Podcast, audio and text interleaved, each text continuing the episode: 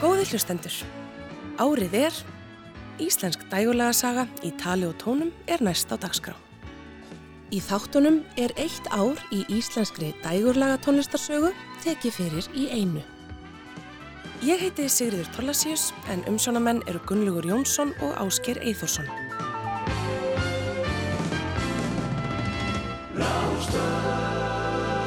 Árið er 1983.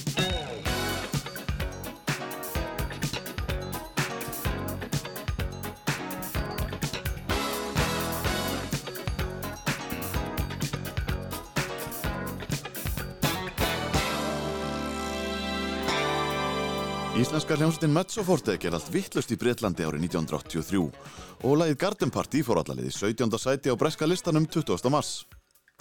Sveitinu var stopnud undir lok 8. áratugurins og hafði spilað nokkus konar bræðingstónlist, blöndu af jazz, funk og fusion frá þeim tíma án þess að ná verulegum árangri á heimamarkaði.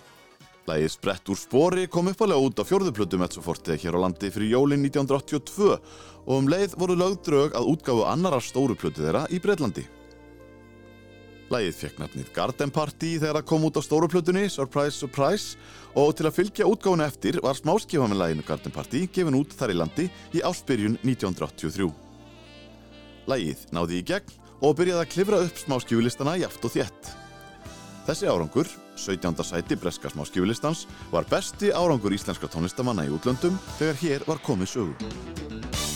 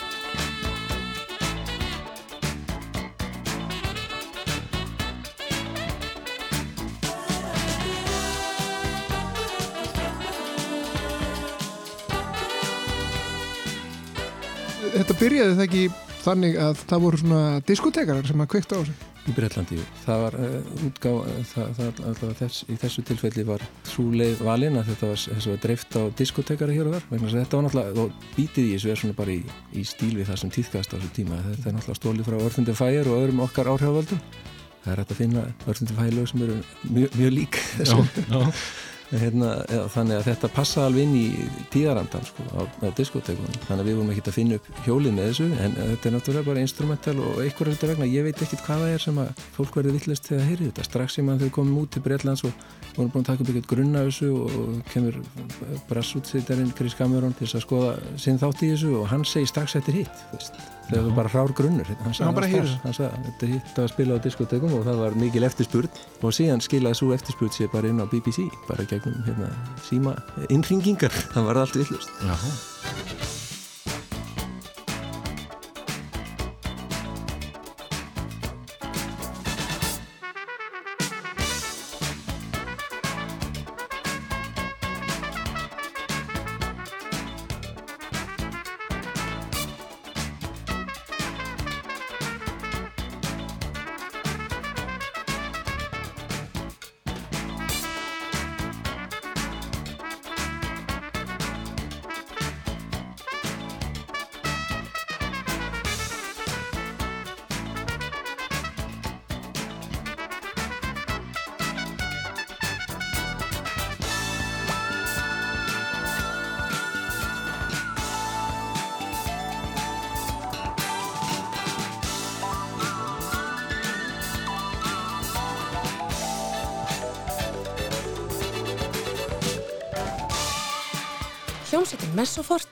17. vinsalasta lægið á breska vinsaldalistanum í marsmánuði árið 1983.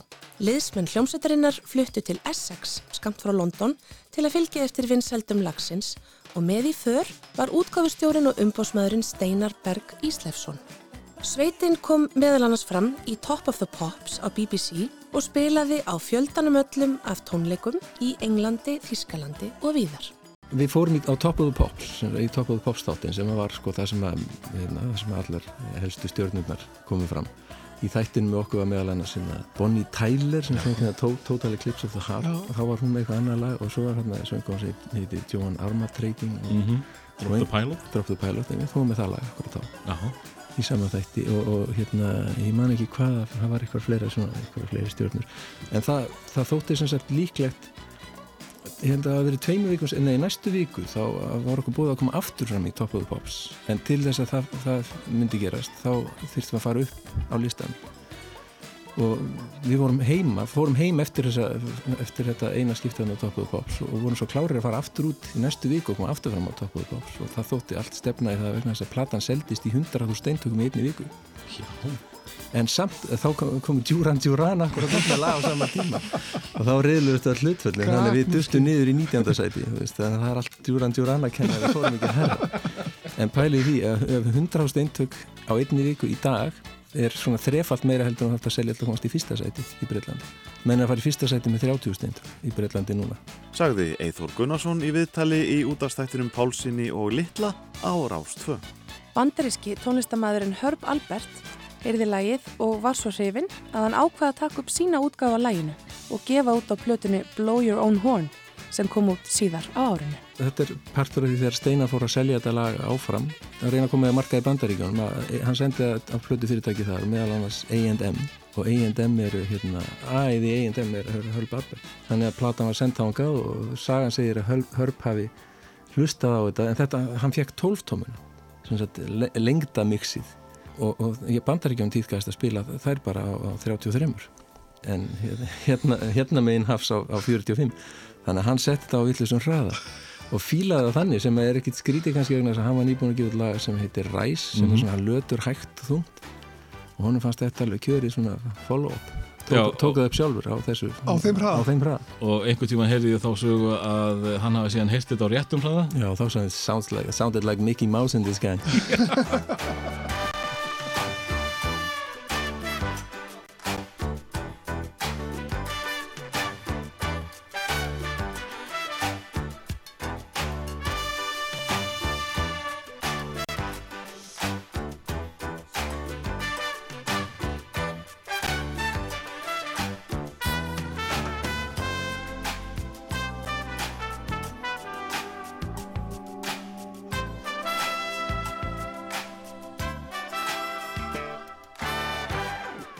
Undir lokás 1983 gaf Mezzoforte svo út tónleikaplötuna Sprell Livandi Live at the Dominion sem hefur að geima upptökur af tónleikum sveitarinnar í Dominion leikúsinu í London.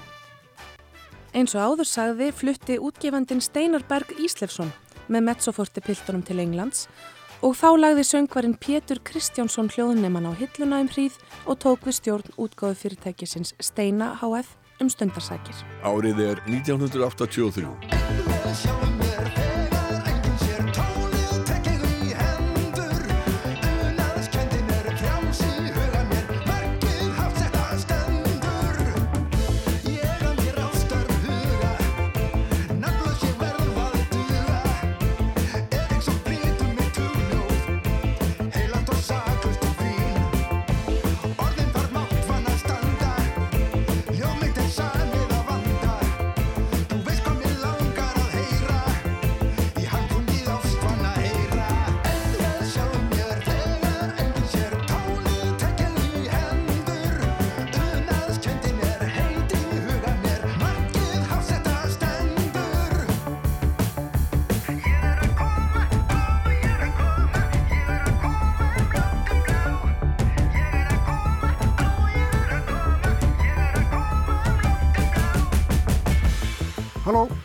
Björgvin Gíslason á linni Örgla heiti þrýðja soloplata mín hún byrjar á lægi sem heitir L.M. Eriksson Sanga tí sem Bjartmar Guðlússon segir þá er þessi text um eitthvað símaperra sem var að pyrra konur viðunland. Hann hefur aldrei nást og gengur laus einhver staða þarna úti. Ellin Eriksson, ekki bara sími. Gítarleikarin Björgvin Gíslason gátt sína þriðju soloplötu á vormánuðum 1983 og þarna sagði hann okkur frá læginu L.M. Eriksson sem er uppástlag plötunar. Platan fekk viðast hvar góða dóma og í djefaf mátti lesa að Björgvin hefði tekist að laga sig að nýjum tímum og stefnum að þess að missa tengslinn við fortíðina. Platan heitir Öruglega og Björgvin fekk söngkonuna ungu Björg Guðmundsdóttur til að syngja eitt af lögunum. En hann hafði spilað á gítar og samið eitt lag á fyrstu soloplötu Björkar sem kom út 1977 þegar Björk var aðeins 12 ára gömul. Árið 1983 var Björk hins vegar á átjánda aldursári og fór fyrir punksveitinni Tappa Tíkarassi sem kemur síðaru sögu hjá okkur í þessum þætti. Lægið sem hún söng á soloplötu Björka Gísla heitir Avi og er eftir Björgvin við texta Bjartmars Guðlökssonar sem var að feta sig áfram sem textahöfundur en átti stuttu setna eftir að gera það gott sem lagasmýður og söngvari. Björgvin Gíslason saði Frey Ejjólfsinni frá tildrögun lagsins í þættinum Gemt en ekki glemt ára ást 2 árið 2003. Þetta lag átti nú alls ekkert að vera á blödu. Ég, mér fannst þetta að vera, uh, ég hef búin að gera demo á þessu lagi heima og, og ég var eiginlega ekkert hrifin á þessu lagi. Mér fannst þetta að vera handunnitt lag og ætlaði ekkert að hafa þetta á blöduðni.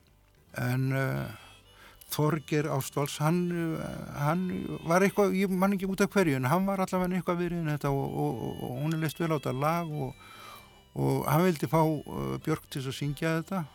Og uh, ég sló til og við, við tókum upp lægi, við tókum upp grunn á lægin og hérna ég man eftir að, að textin var svolítið lengi að koma hjá Bjartmæri og ég man þennan dag sem hann var að mæti í stúdíu og þá var Bjartmæri við störf að velrita textan á svona rítvél og ég man að Björk kom og uh, hún fekk textan bara beint úr rittvélinni og hafði aldrei heyrt lægið og ég man að klukkan var tvö og hún fór inn og lærði lægið, söng lægið og gerði smá rættir á það og var farin út klukkan fjór og rosalega snögg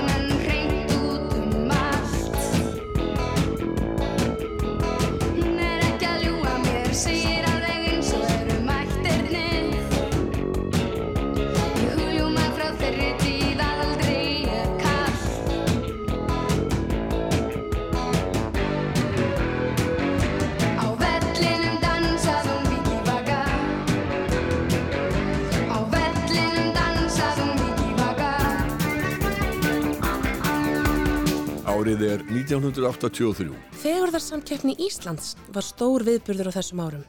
En þetta ár var 20 ára Reykjavíkumær Unnur Steinsson kjörinn feguradrottning Íslands á skemmtistanum Broadway í Ármúla. Fyrir keppnina árið 1983 sandi Gunnar Þórðarsson nýtt kríningarlag og hefur það upp frá því verið spilað þegar ný drottning er krínt á hverju ári. Lægið heitir Tilbriði um fegurð.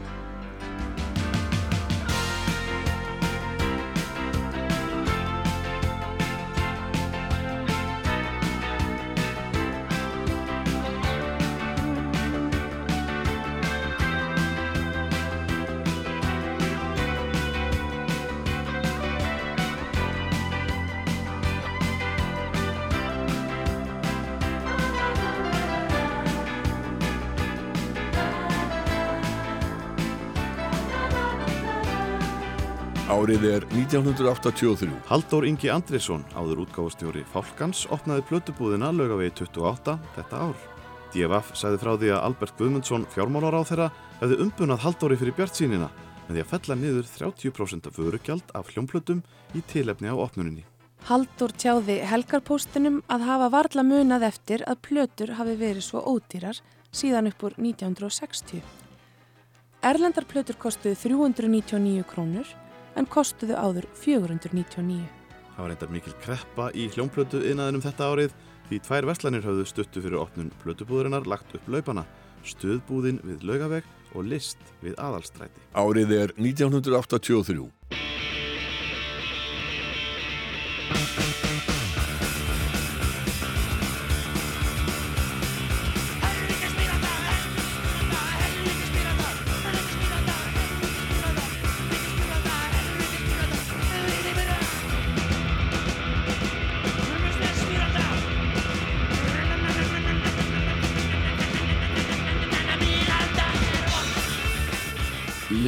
aldrei litið á veist, þessa hljómsveit sem punk-hljómsveit, aldrei sko. Eina kannski lagi sem að geti flokkast undir eitthvað punk sem að heiti Míranda, það var nú bara sko, verið að gera grínað þessu formati sko, þessu grófa, raða punk-formi sko. Tappin var miklu meira bara, já, eitthvað svona meiri bara experiment og bara fjör, þú veist, við vorum að skemmt okkur sko. Þó að það væri svona ákveðin metnaður að baka við það, þá var þetta bara krakkar að hafa gaman sko. Ejjólfur Jóhansson, gítarleikari Tappa Tíkaras, tjáði sig um bandið í þættinum Punk á Íslandi á Rás 1 árið 1997. Unglingahljómsveitin Tappi Tíkaras var til árið 1981 með söngkoruna Björk Guðmundsdóttur fremstæði flokki. Sveitin vakti mikla aðtikli í bíómyndinni Rock í Reykjavík árið 1982 og Tappin sendi frá sér fimmlega plötu, bitið fast í vitið, síðar sama ár. Sumarið 1983 var svo fyrsta breyðskifan tekinu upp í Southern stúdíónu í London. Útgáfan tafðist hins vegar hjá útgáfafyrirtækinu Gramminu, brestir voru komnir í samstarfið og svo fór að daginn áður en plata kom út, rétt fyrir jólin 1983, hætti sveitin störfum. Ejjólfur og Jakob Smári Magnússon bassalegari sögðu frá Lundunofærd tappans í þættinum Gemtin ekki glemt árið 2004. Við fórum sér til London. Málið var að Tony Cook upptökumæður, sem var einn helsti upptökumæður Íslandinga hérna árum áður. Hann tóku fyrir plötuna og okkur langaði til að gera hína með honum líka. Hann var bara ekki á landinu, hann að við fórum til hans. Vor, já, vorum mánuði úti en tókum bara upp á viku plötuna. Já, Bara síðasta vikan fór í það. Þetta er nú verið aðmið fyrir ykkur að fara til Lundun Það var rosa gaman, þetta var náttúrulega, já, það var mjög gaman sko.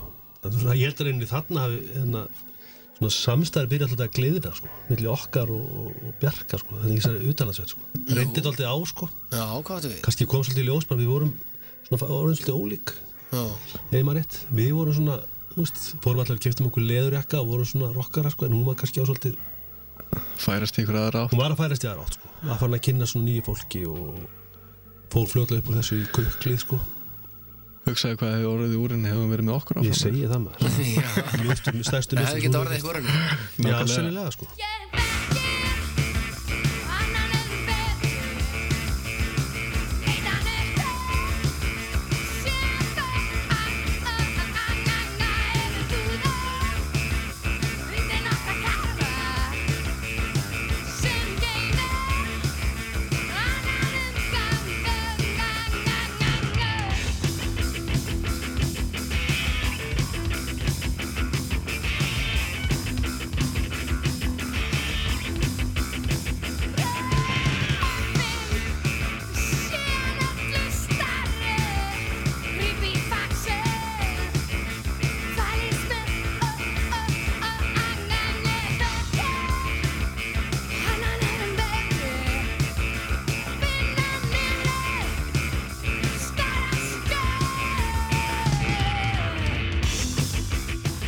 Guðmundsdóttir og félagar í Tappa Tíkarassi og lagi skrið af plötunni Míranda frá árunni 1983 sem var jafnframt síðasta starfsár hljónstarinnar.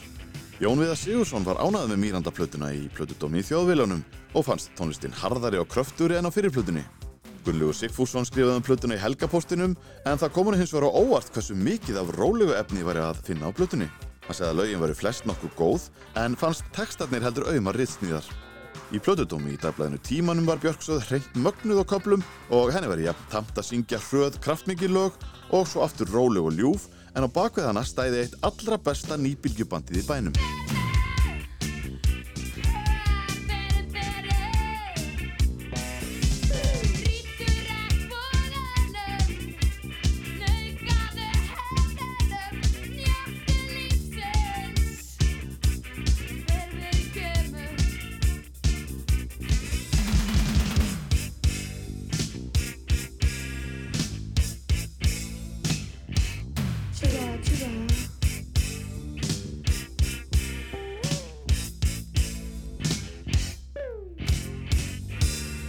Árið er 1983.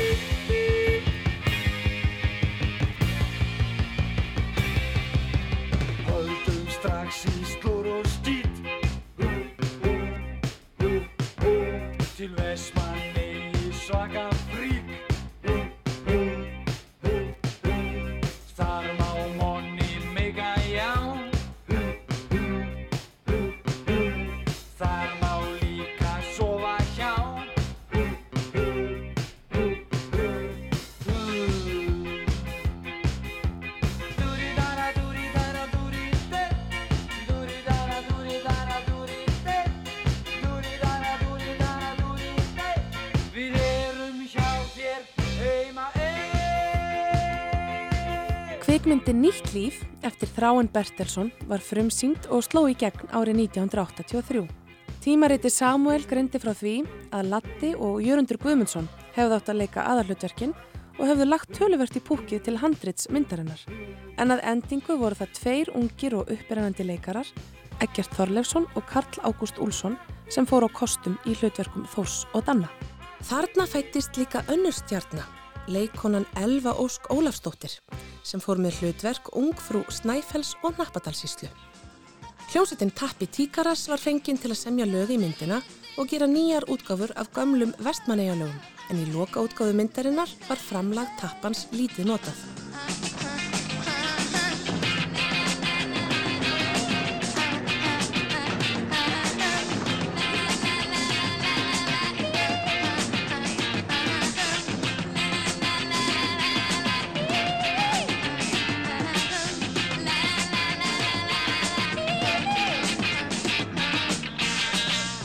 Sigfús Halldórsson sandi nýtt lag fyrir myndina en sérstakur tónlistaráðunautur þráins við gerð nýs lífs var Megas. Guðmundur Rúnar Lúðvíksson átti líka nokkur lög í myndinni og sendi frá sér sexlaga plötu þetta sama ár sem bar nafnið Gallabugsur og innihjælt þrjú lög úr nýju lífi. Þar á meðal lagið Slór og skítur sem við heyrðum á það. En hinn lögin þrjú tengdust myndin ekki neitt. Þar með talið titillag plötunar.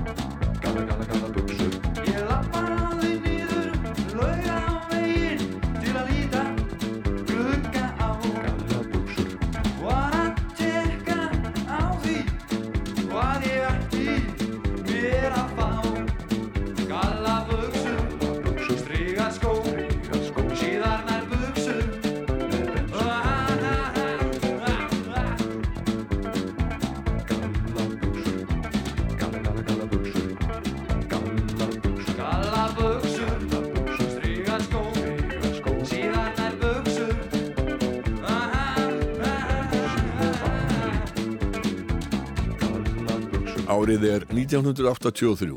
Jóhann Helgason komst í úslitt alþjóðlegar söngakeppni í Kastelbar á Írlandi.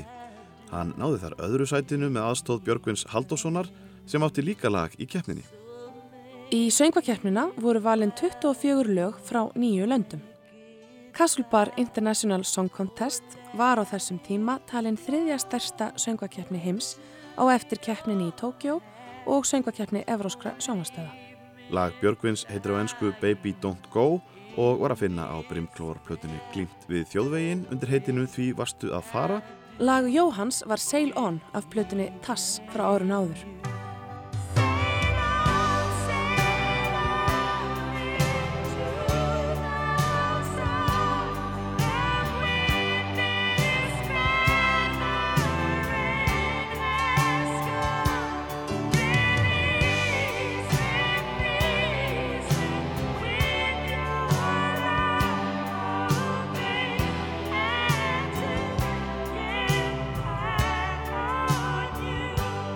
Jóhann endaði í öðru sæti í keppninni og var aðeins einu stíi frá Sigri, en Björgvin söng lægið með Jóhanni í keppninni. Jói gaf út soloplötu þetta árið, platan heitir einfallega einn og var unnin í London undir stjórn Geoff Colver þar sem breskir tónlistamenn spiluðu undir, meðal annars Richard Cottle á hljómborð sem var að stíga sín fyrstu skref í bransanum en átti síðar eftir að vinna meðal annars með Mick Jagger, Vam, Eric Clapton, David Bowie, Tina Turner og fleiri stórstjórnum.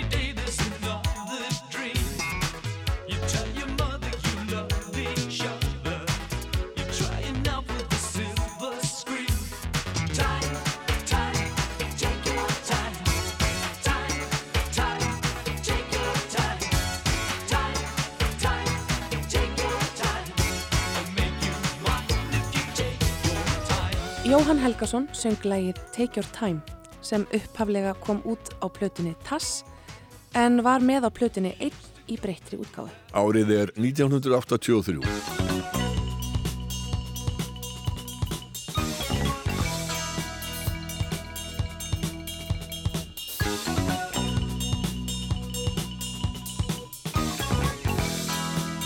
Hljómsveitin Grafík frá Ísafyrði hafði slegið í gegn með læginu Vídeó af sinni fyrstu plötu út í kuldan árið 1981 með trommuleikaran Raffn Jónsson og gítarleikaran Rúna Þórisson í broti fylkingar. Grafík sendi frá sig sína aðra plötu, Sín, árið 1983 þar sem nýr söngvari, Ómar Óskarsson, var kynntu til leiks en mörgulegu plötunar var þó instrumental og án söngs. Platan var mjög tilhörnakend og tölverð þingri en fyrsta platan og alveg laus við vinsældavæna smelli. Sín fekk yfirleitt góða dóma þá hann hafi ekki selst vel og hljóðfæraleikurinn var lofaður en flestir gaggrinendur kvörtuði því að söngurinn væri veikasti hlekkurinn á plötunni. Hér segir Rúna Þórisson okkur söguna á bakviðlægið Fall af plötunni Sín með hljónstinni Grafík. Á þessari plötu eins og fyrstu plötunni vorum við að gera tilhörn svolítið með tónlistin í allar áttir. Við vorum með áttarasa tegband sem við tókum upp á sjálfin. Nú, lægið Fall hefur kannski að vissa tengingu í fyrstu plötuna. Til dæmis lægið Vídeó. Þetta er svona típist nýbylgu í anda nýbylgunar. Lag og texti er eftir mig. Textin tekur svona falla alltaf heimsins, Harmans og Björn.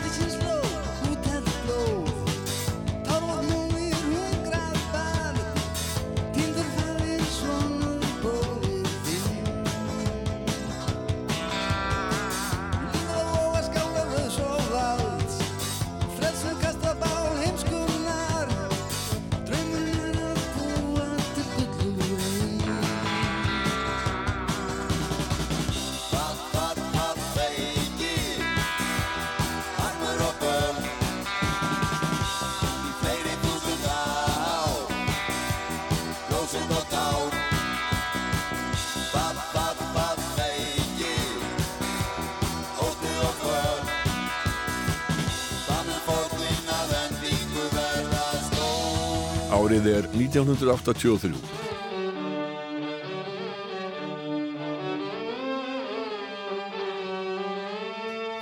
Liverpool-sveitin Echo and the Bunnymen hjælt tónleika í laugadalsællinni. Deild 1, Ego og Grílurnar hituð upp.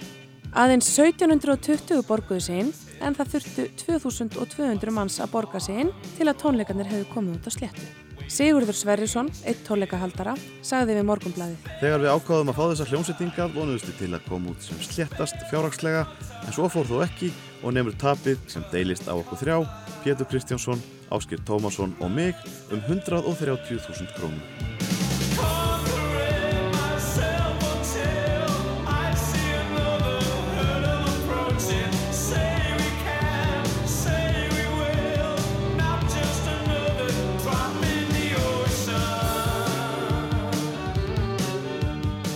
Skemmtistæðurinn Gaugur og Stöng opnaði í Tryggvagötu í nóvember þetta sama ár. Gaugurinn átti að vera veitingastæður með yfirbræði mið-evrópskrar bjórkrár og þar með hófst sala á bjórlíki eða svo kallari Gaugsbollu. Aðspurður um innihald bollunar sagði Guðvarður Gíslason verðt á Gaugnum að innihaldið væri leindarmál. Það eina sem ég get sagt er, er að í henni eru fjórar tegundir sterkra drikja Þessum drikkjum er síðan blandað við pilsner, sagði Guðvarður við D.F.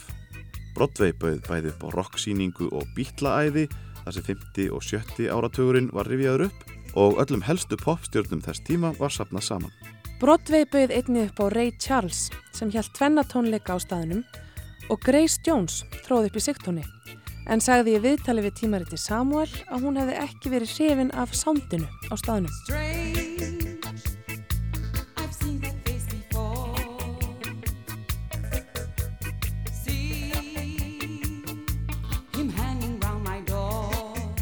Grammið stóð fyrir nokkrum tónleikum árið 1983. Enska rocksveitin The Fall kom til dæmis til landsins í annað sinn og hjælt tónleika í Östurbæjabíói í mæ.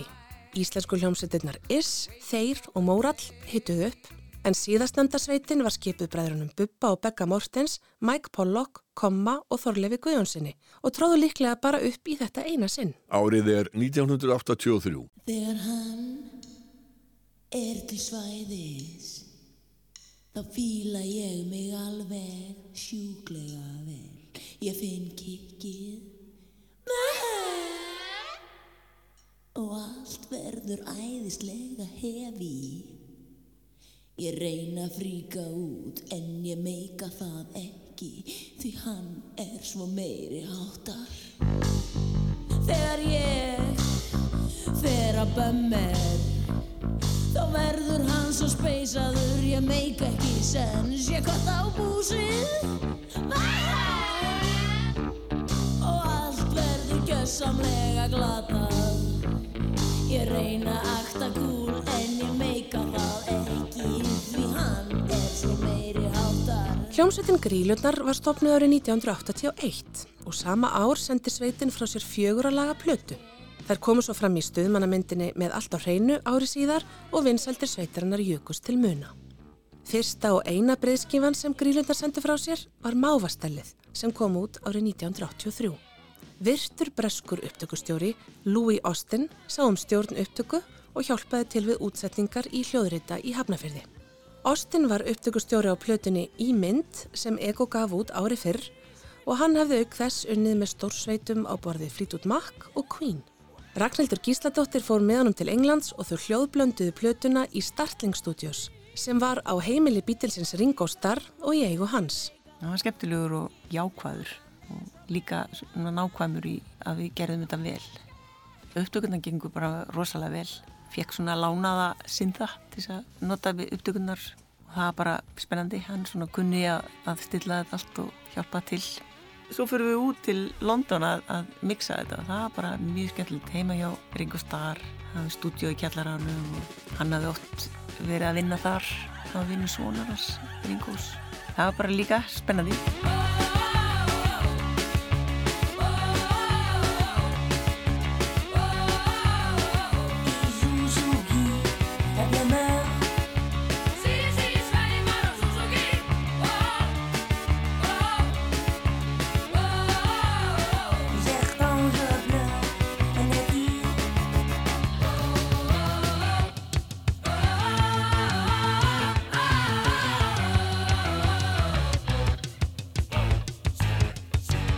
Grílurnar og lægið um hana Sisi sem fríkar út og sveimar á Suzuki svo fátt eitt sér nefnt.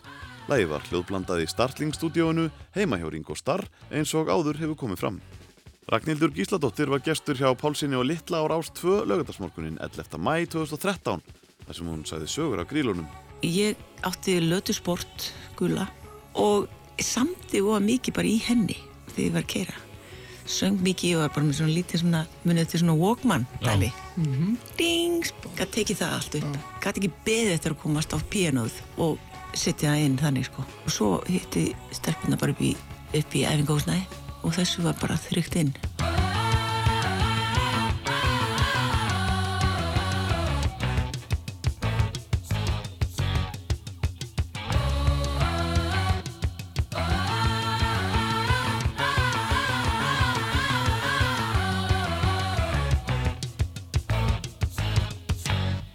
Bara rosalega skemmtilegt, það var svona fólk var með svona massíft attitude Mhm. veist, Og þið fenguð að vera með fengum stelpur alveg- með attitude, það var nú ekki mikið um það í galanda. já, við, og við vorum með attitude, þú veist, svona með tungun út í kinn aðeins líka, sko og veist að, að hérna, við lítum alls ekki á okkur það var miskilingur, við lítum ekki á okkur sem pöngara, þó að við höfum kannski verið í rauninni með þessari svona hálgirðu, ef við getum sagt sko uppreist að, þá er það aldrei sko eiginlega me, mesta pöngið sko. Það er mikið pöngið Skilur, þannig að það er bara á þess að við áttum okkur á því að því að við vorum bara alveg í sannleikunum sko. Mávasteilið fekk fína dóma hjá poppressunni. Andrea Jónsdóttir dæmdi plötur fyrir þjóðviljan voru 1983. Mávastellið er í heild alveg þræl skrítin plata. Þar má finna pop-rock eins og Sisi sem hefur náð skjótustum vinsældum af stellinu, rock og svo alls konar gríluflip sem mörgum hefði kannski fundist mikill töffaraskapur að setja á plötu. En íslenskir plötukaupendur hafa sínt að þeir kunna að meta sjálfstæði og músík þeirra grílna með því að koma mávastellinu í efsta sæti þessa vikuna að minnstakosti yfir söluhestu stóru plötuna. Rock-skrýbendin Sigurður Sverrisson var ekki hrifin af grílunum á fyrstu tónleikum þeirra vorið 1981 og ekki fekk fjögur að laga platan góða dóma hjá honum. En það hvað við annan tón í dómi Sigga Sverris um mávastellið fyrir morgumblaðið. Það skal ég segja hreint út að máastælið grílanna komir stórkoslega og óvart í alla staði. Vissulega hafði ég gert mér grein fyrir framföru þeirra, en á þessu átti ég aldrei von. Máastælið áttir að vera í fremstu röð á meðal íslenskar hljómplatna í ár. Ég segi kannski ekki svo besta, en í flokki með þeim allra allra bestu. Í kringum útgáfu plötunar gekk á ímsu hjá grílunum. Þær fóru til Bandaríkjana í marsmánuði og spiluðu á átta tónleikum, bæði í New York og Los Angeles, þar sem þær kölluðu sig The Witches. Sveitin fór svo í þryggja vikna tónleikaferðum Norðurlöndin í júni og þar kallaðist bandið Hexene. En ekkert var það fyrirhugðu ferðalagi um meginland Evrópu og ekki voru grílutnar allar á því að sækja eitti áfram á Erlend mið. Tilbúin voru bara alveg massíf þarna eftir þennan túr. Það var eiginlega það sem að mér þótti svo spælandi í þessu öllu saman sko. Það var, það var að lúfa fyrir því einhvern veginn og ég, hérna, þetta verður eiginlega bara of mikið álag á þetta band og það er einhvern veginn liðast allt í sundur við það eins og gerist oft hjá íslenskum böndum mm. sem fara út þau eru svona góðu vön kannski hér, þetta eru stuttarferðir mm. en þegar að ferðin eru svona langar og erfiðar og, og maður hefur ekki efna á góðum rútum þetta er bara hörmungar ástand sko. veist, fólk í fanginu hvert og öðru bara veist, í klessu sko. engi peningur þetta er bara fólk er þreytt og það bara gefst upp og það það sem gerist hjá grílónum sko. það er bara gáðast upp og tristu sér ekki í meikið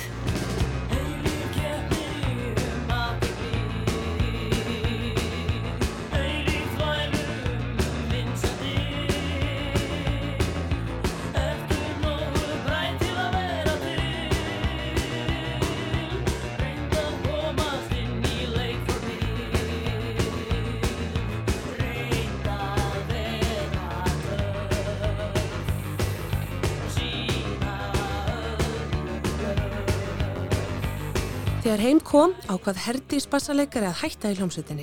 Hún hefði nýlega eignast barn og treysti sér ekki til að halda áfram harkinu. Auk þess þurfti Linda trommari að fara í nýjaðgerð og því var ákveðið að grílunar tækju sér frí í fyrsta sinn. Ímsar tilraunir voru gerða til að skipta um bassaleikari hljómsveitinni næstu vikurnar. Erla Ingadóttir, bassaleikari í Dúkulísunum, var bóðuð í pröfu og sagan segir að leikonan Hanna-Maria Karlsdóttir hafi einni verið beðin um að taka sér bassa í hönd. Innáskiptingin hafi þó ekki tekist og skömmu síðar hætti hljómsveitin grílurnar. Það byrjaði því að, að Herdís hætti sko mm -hmm. og það var náttúrulega tóltið mikið farið sko því að það er vandi að æfa svona upp sko. Fengum til pröfu eina úr dúkulísunum en það, svo kemist þér ekki ekki ynga veginn. Þannig að þetta var bara búið sko og Linda fekk eitthvað í liðina og það var bara svona eiginlega þreita, uppgjöf, veikindi og ég Ég var alveg svakalega spælt.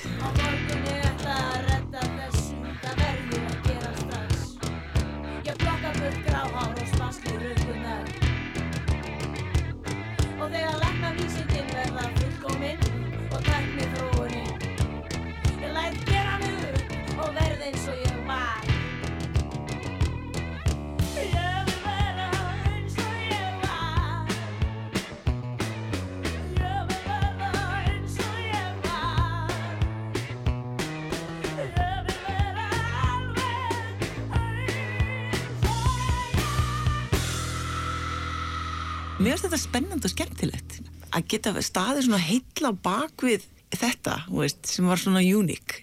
Ég var mjög stolt af þessu bandi. Árið er 1983.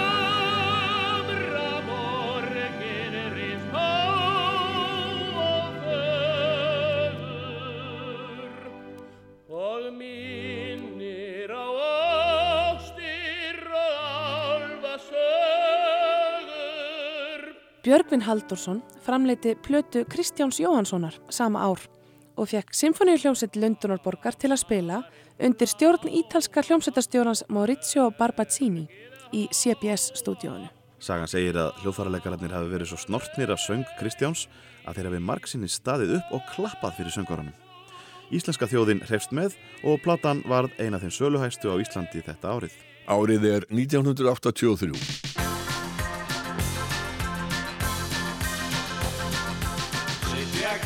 saltan sjóin síðan mann ég fyrst. Síst ég gæti neyta því að það var konur kist Gæti ekki eins í kaldi en á af sénsum nóg Þó ofta sé ég úti á sjó. Oftast út á sjó, oftast út á sjó.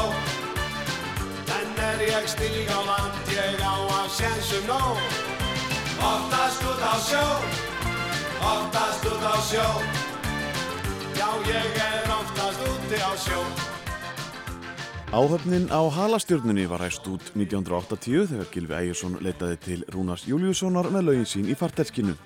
Gilvi vildi fá ýmsa söngvara til að flytja lögin sín og fekk Rúnar til að sapna góðri áhöfn. Árið 1980 kom út platan Meira Salt og 1981 og 2 sendi áhöfnin frá sér tvær plötur. 1983 kom fjórða og síðasta plata áhöfnarinnar á halastjörnunni út með lögum Gilva Ægjessonar og hún nefndist Ég kveðju sendi herra og skartaði áhafnin meðal annars Magnúsi Ólafsinni, Rudd Reginalds, Rúnari og Maríu Baldursdóttur konu hans og Hermanni Gunnarsinni sem söng lagið oftast út á sjó sem hljómar hér undir. Einn í áhafninni var undiraldri, hinn 13 ára gamli Páll Óskar Hjántísson sem var að stíga sín fyrstu skref á tónlistaferlinum. Á tónleikaröð Jóns Ólafssonar af Fingrum fram frá árinu 2011 sagði Páll Óskar söguna á bakvið lagið Blindi drengurinn sem var söng á plötu áhafnaninnar. Málið er að á þessum tíma þá var bara ein útastöð og það var bara rúf. Við fengum að hlusta popmusik í hálf tíma á viku, lögungafólksins, en svo voru svona óskalag þettir sem hétu svona nöfnum eins og sko óskalög sjómanna og óskalög sjúklinga.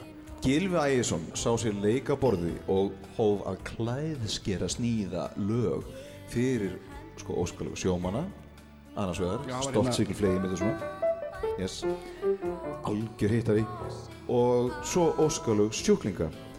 Og þetta lag, Blindi drengurinn var monster hit í óskalög sjúklinga Ó, elsku góði Guð, gefða mamma mín komi aftur hingað heim Svo ég haldið geti höndum tveim. Hana um og kist á heitan vangan. Og meiri sé að mér sjálfum sko stóði ekki alveg sama þegar ég fekk þetta textaflaði í hendurnar.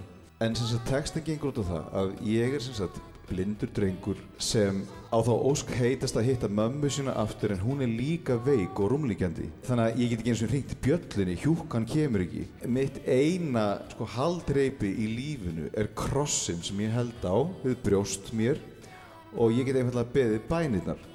Verra öruglega verður það ekki. Og kettlingarna svoleiðis spiluðust og það var uh, þetta var mikið spilað á sínu tíma. Ó, elsku góði Guð, lof mér hana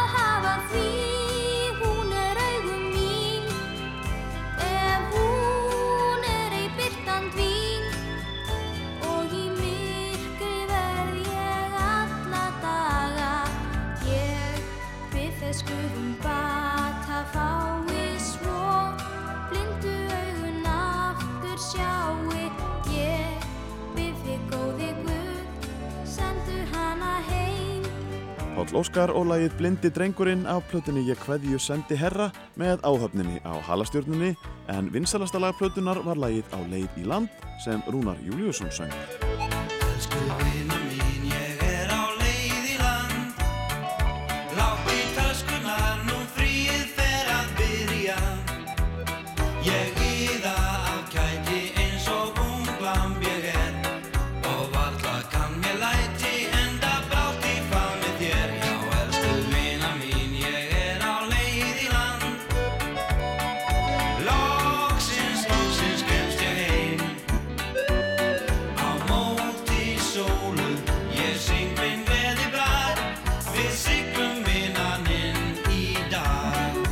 Árið er 1983.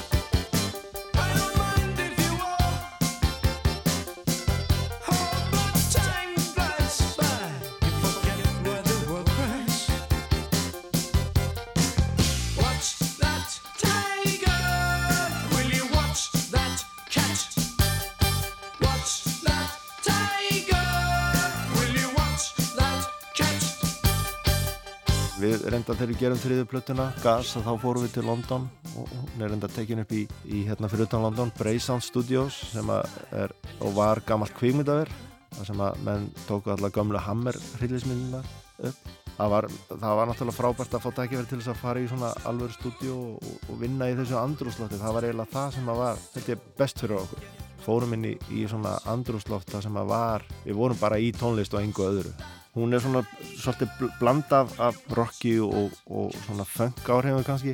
Og það var nú kannski líka við vorum bara svolítið um, einhvern veginn döglegar að fylgjast vel með og þetta var svona feelingurinn sem að var 83 mjög mikið. Verið til dæmis Let's Dance blötu Bávi. Bávi er náttúrulega okkar stærsti áhrifavaldur eins og kannski má heyra stundum. Það er ekkert lindamál en var, þetta var svona meiri alvöru fannst mér, þetta voru miklu þetta voru betri lagasmíðar og, og hérna, betri útsetningar, betri ljóðfæðilegur og það bara hjálpaðist einhvern veginn alltaf. Og, og, og tónlistin kannski allavega finnst mér hún hafa elst einna best af gasplötunni, sondlega og, e, músiklega Hljómsveitin Baraflokkurinn frá Akureyri sendi frá sig sína þriðju plötu sumarið 1983. Platan fekk nafni Gas og við heyrum hér undir lægið What's That Cat og Þór Freysson, gítarleikari sveitarinnar, sagði okkur sögur úr bransanum. Íslandsvinurinn og eiginmaður Seti Owens, Geoff Colver, var við takkaborðið á samt stuðmanninum Tómasi Tómasinni. Baraflokkurinn var stopnaður 1980 og sendi frá sér sexlega plötu ári síðar en fyrsta breyðskifan List kom út 1982. Sveitin hætti svo störfum fljótlega eftir að gas kom út.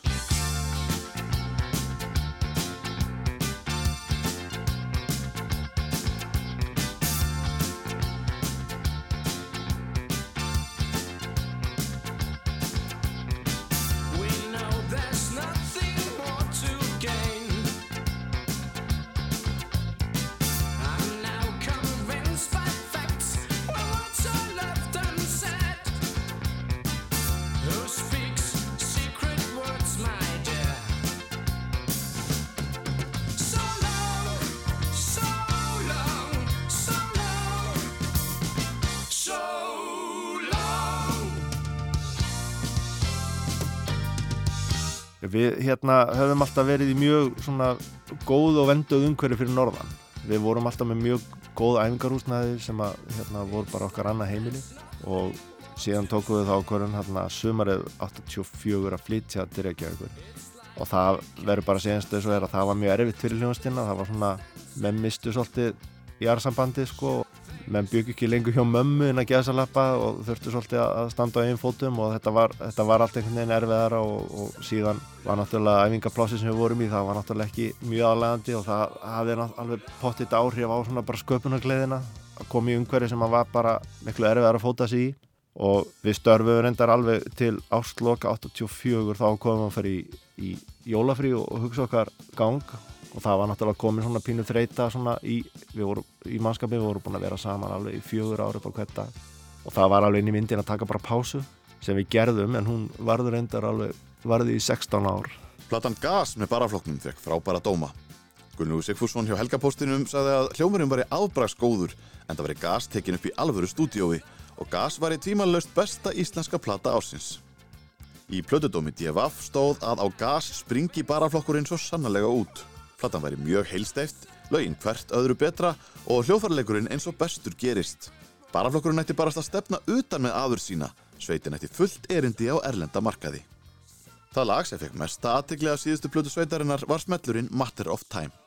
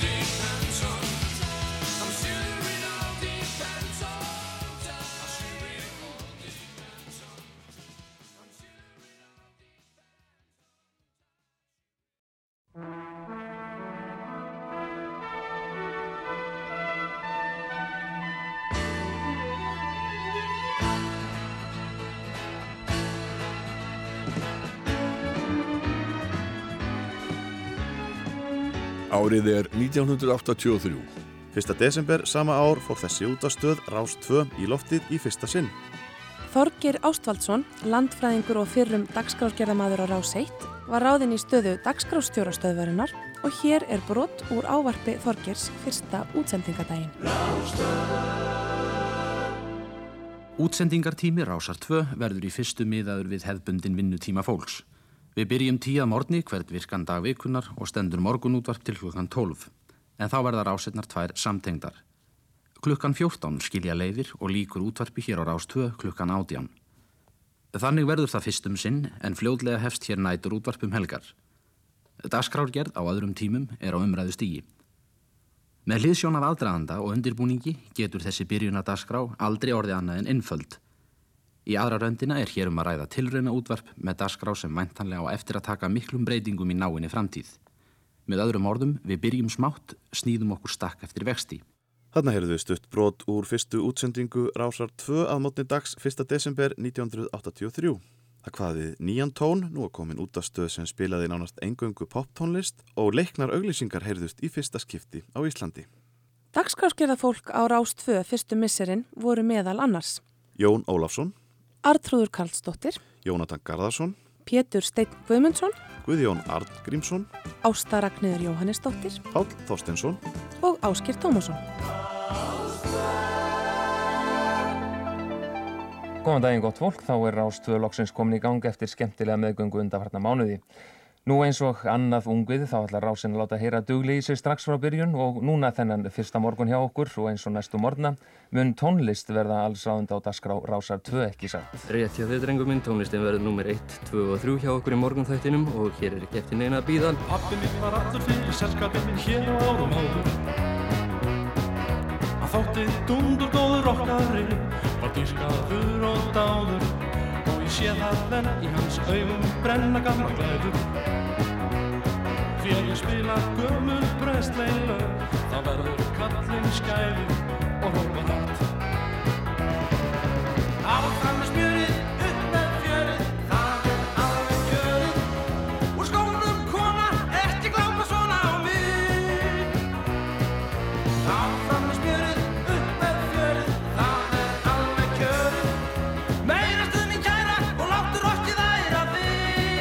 Hér heyrðum við Þorgir Ástvaldsson, þá reyndir dagskrástjóra Rásar 2, flytja lagið Áfram með smjörið upp með fjörið af plötunni Út um kvippin og kvappin sem hljómplötu útgáfan Gamestein gaf út árið 1983.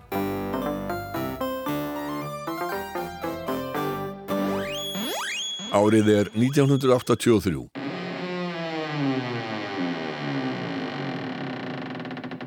Auglýsing í ríkisútarpinu getur opnað þér nýja leiðir. Þegar þú komst að veiðum með nýskullaðan sel Sólaringum saman í leini Slitta stormar og jél Þegar hafísinn kominn á fyrðina Hvarf selurinn á bró var og þykkur fyrir rostungana Undafnir dóu þið líðuð skór Bubbi Mortens gaf út sína þriðju sóloplötu, Fingraför, sömari 1983. Platan seldist miklu betur en Ísbjarnablús og Pláan og má segja að fræðarsól Bubba hafi verið á hraðri leið upp stjörnuhiminin þetta ár og hlustendahópurinn mun stærri og fjölbreytari en fyrstu þrjú árin. Lagið Afgan átti uppalega að heita Svartur Afgan en útgefandi plötunar taldi það ekki komið til greina að gefa út plötu með lagi sem bæri nafn Eitur Livs. Bubbi gaf þá eftir og skar heiti lagsins niður um helming og eftir stóð Afgan en í textanum fer hins vegar ekki á milli mála um hvað þið sungi. Hlust á Seppelin og ég ferðast aftur í tíman Þú spyrð mig hvar er gimsteinin í augum þínum ljúan Svitinn perlar á brjóstum þínum þú býtur í nóan Þú flýgur á brott með syndum mínum svartur afgan. Ég elska þig svo heitt að mig sundlar og verkjar Í faðmi þínum þú lætur mig finna til sekta. Úti í horni liggur kísi þinn og malar Inn á baðherbyggi stendur vofan þín og talar. Úti hamast regnið við að komast inn til þín Ég skrýð undir sængina, heyri hvernig stormurinn hvín Drottningin með strísbákana sína býður okkur inn til sín. Hún sýnir okkur inn í sólina, segir að sólinn sé sín Bubbi Mortens fekk vinsinn Magnús Þór Jónsson sem var og er betur þekktur undir listamannanafninu Megas tiliðis við sig á fingraförum. En sá síðarnemdi hafði ekki komið fram á hljómplötu síðan 1979 þegar hljómleikaplatan Drög að sjálfsmörði kom út. En eftir útgáfu þeirrar plötu dró Megasi í hlið til að stunda myndlistarnám og stundaði vinnu við höfnina á samt því að sapna í sarpin. Fátt virtist benda til þess að Megas ætti eftir að sinna tónlist á nýjan leik en hann samti tvö laga fingrafara og söng með Bubba. Já, það má segja ég heiðurinn að því að hafa komið Magnús aftur inn í brasan en þetta er gammalt lofur sem að ég var að herma upp á Magnús hann hérna, hann hefði gefið mér þetta lofur Fallafól, við byrjuðum að vinna saman sko á skúlagötunni heima hjá Svenna Blöndal laungu fyrir upptökur. En þetta er bara, þetta Fallafól er fínt lag, móðið mín var fölluð og hafði að því. Þannig að þetta er gott lag, sniðuðu texti kannski er þetta besta fullorðins barnalag sem samið hefur Íslandi. Ég þekkti einu sinni falla fól sem flakkaði um í hjólastól. Með bros á vörra og berjandi þó lóminn Hann óglóð sér fyrir valtara og að klessu og í bara. Þeir tók hann upp með kíkispað og sett hann beint á sjónminjastafnið Bubbi og Megas með lag Megasar Fallafól. En annað vinsælt lag af plötunni Fingraför var Lög og regla. En Bubbi hefur aldrei verið hrifin af því lagi. Lög og regla er fín hugmynd, lagið er ekki mjög gott en samt er eitthvað skonar vegi líka til áttra fílingur í, í lög og regla ef menn hlusta grænt á gítarinn hans Björgvin Skíslasonar og og, og, og, og, og þetta, þetta, þetta 50s gítarsound Hvers vegna eru lög og regla til að fela. Hitt og þetta blóðu spór og andjárt smetla skýslur segja hann var alltaf að detta. Förðan í bílnum með kilvum og hnúum. Hættan og svívirtu með tungum hrjúfum. Ekkert sást nema lítið mar. Þetta var slís við vorum ekki þar. Lög og regla textin fjallar um þetta hvað menn hafa dáið í vörslu lauruglunar hér heima sem annar staðar. Og þetta er svona þetta er eiginlega íronía sko. Við vorum að gatnast eða ég var að gatnast, við sungum þetta oft löngur en það kom út sko, þá var ekki bend á mig. Og mér varst þetta fýtt frasi sko, ekki bend á mig segi varstjóðin þetta kvöld var ég að æfa lauruglu kórin þetta, er svona, þetta er sprengfindið í graf alvarlegum í graf alvarlegu samhengi. Og þetta lag gerði ég þegar ég var að leika í mynd sem er skilabóti söndru. Ég gerði það þá, þarna uppfráð á tökustaf og þetta lag var alveg óhemji vinsælt komið mjög óvart. Þetta er ekki mín, eitt af mínum uppáðslögun sko.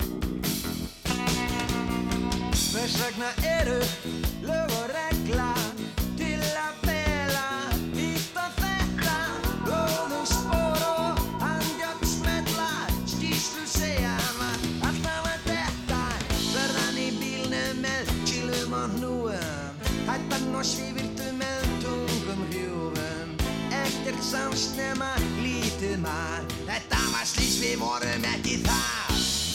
Við heyrðum að kalla byggjum vatn. Hvort að við líkum honum væri kall Sitnum nóttina talað út í bláinn. Það var ekki fyrir í morgun að við sáum hann væri dáinn. Lög og regla. Eitt af eftirminnilegustu lögum Plutunar Fingraför með Bubba Mortens og líka eitt af þeim vinsælli. Platan hlaut yfirleitt góða dóma og umslag Plutunar vakti mikla aðtigli en þær mynda Bubba alls nögtum í hnýpri út í hotni og fingrafara hans þrygt yfir myndina. Sigurður Sverrisson skrifaði í Morgunbladið að sjaldan eða aldrei hefði tekist eins vel til með gerð umslags hér á landi.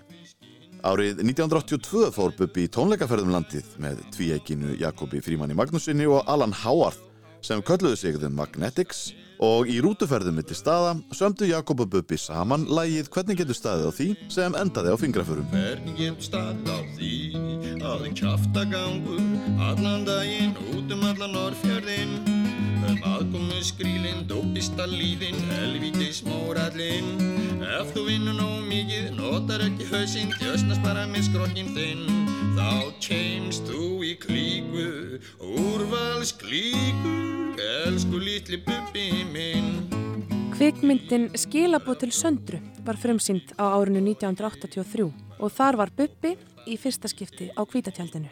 Bubbi var í litlu hlutverki sem fyllibitta og glæpamaður og flutti auk þess tvö lög í myndinni. Fyrir jólinn gaf Bubbi svo út plötuna Línudans sem var nokkus konar sapplata með tveimur nýjum lögum. Árið er 1983. Það er kyrlátt kvöld við fjörðinn og rygga liggur báru átt við veginn Máðurinn,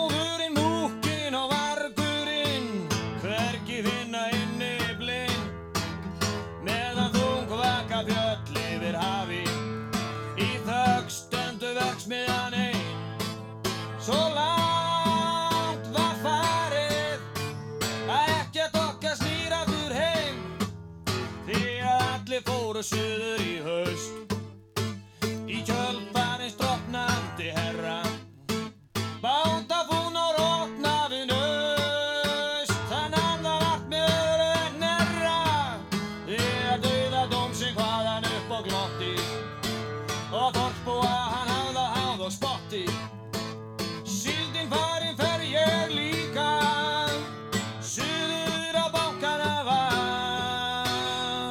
Þorlákur Kristinsson, betur þekktur sem Tolli Mortens, bróðir Bubba, gaf út sína fyrstu breyðskífu The Boys from Chicago árið 1983. Á alliðinni var Tolli óramagnaður með gítarinn og þar var að finna hans útgáfu af læginu Kyrlátt kvöld við fjörðin sem Tolli hafði samið fyrir utagarðsmenn árið 1980. Ádeilutekstar Tolla er auðvitað kjarni plötunar en músikinn er í þjættu sambandi við ákveðna afstöðu hans til manna og málefna skrifaði Andrea Jónsdóttir í plötudómi í þjóðviljanum og bætti við að hún hugsaði honum tækist með drengjunum frá Chicago að íta við einhverjum sofandi sálum og fá þær til að spyrna við fæti. Í viðtal við D.F.A.F. sagði Tolli að það væri personlegi tekstar á plötunni. Þetta væri engin pólitísk stefnusgrá, þetta er pólitík sem verið sett fram út frá hans reynslu. Hann sagði líka að þetta væri mjög spontant plata þar sem leikleðin var í fyrirrúmi. Á bjelliðinni tók rockið við og þar var kynnt til sögunar sannkölluð supergrúpa sem kallaðist Íkarus. Bergþór Mortens, bróðir Tolla, spilaði gítar, Bræja Ólafsson á bassa, Kormákur Geirharsson trommaði og Megas var hérna í fyrsta sinn liðsmaður í rockljónsveit. Hann laði til fjögur lög á plötuna og lang þekktast herra er um krókudílamannin Íllreimda. Krokodílamadurinn og ný kallar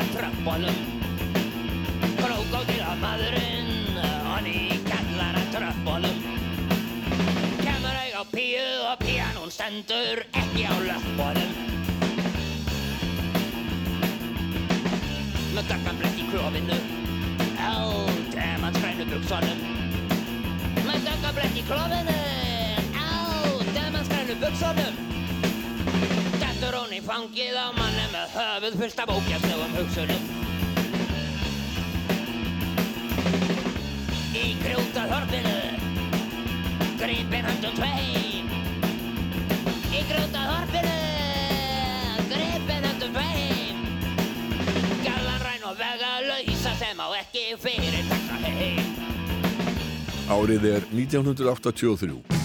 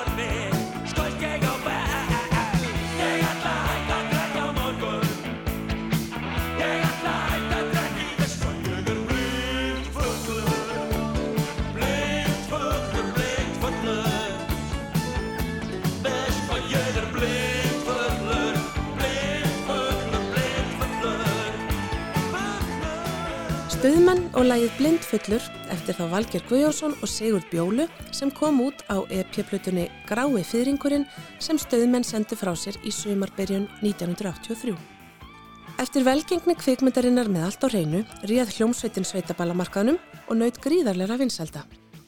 Jakob Fríman Magnússon Við heldum tónleika út um allt land alveg sko stappað og, og hérna ég gleymi aldrei við fórum, við tókum við settum 1100 manns inn á Hotel Borg sem að hlýtur að vera að meta allra tíma en það var ekki þurr blettur á neinum og það var, eh, menn sátu og stóðu ofan okkur öðrum og upp á öllum borðum, upp á öllum stólum út um allt gól það, menn hefði ekki komist upp með það í dag að tróða 1100 manns inn á Hotel Borg.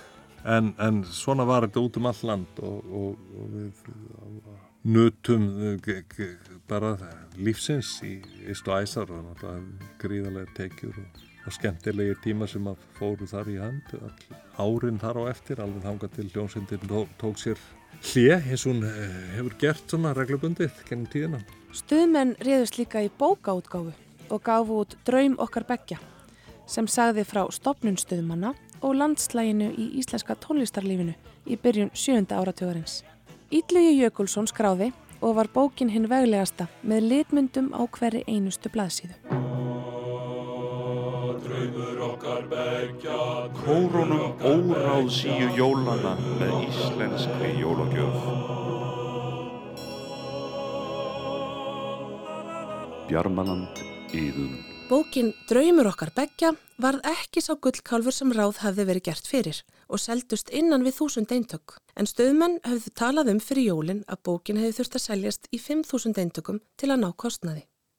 Jóhann Páll Valdimarsson hjá Yðunni sem gaf bókin út með fyrirtæki stöðmanna Bjarmalandi sagði í viðtali við Djefað að þetta hafi verið geðveikasta tilraun í íslenskri bókagerð til þessa. Já, sko, skattaráðgjafi, uh, hann sagði, strákar, þið verða að gera eitthvað, eitthvað verkefni, sko, það má ekki láta bara að allan gróðan sem bara í skatti verða að gera eitthvað, geti ekki gert bara bók með uppskriftum eða bók með einhverjum hérna bröndurum.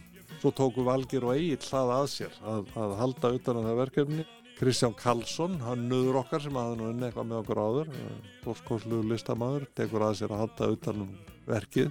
En það var bara svo ofaslega gaman að, gera eitthvað alveg nýtt og þetta endaði sem dýrasta og flóknasta prentverk sem hefði grafíska sveinafélag hefði nokkru sinni komið nálægt. Það voru engar tvær bækur eins, þetta er fyrir daga Photoshop, þannig að þetta var allt handgrafíkerað og unnit og sko í staðan fyrir að Kristján var einn með þetta, það voru komið einhver átta eða nýju sko grafíkerar á fullt og svo var það að gera spil með þessu og svo var það að gera plötu með þessu og þetta fór náttúrulega úr öllu korti kostnæðinu, þetta er ótrúlega flottur pakki. Sagði Jakob Fríman um hérna rándiru bók sem stöðmenn gáfu út fyrir jólin 1983.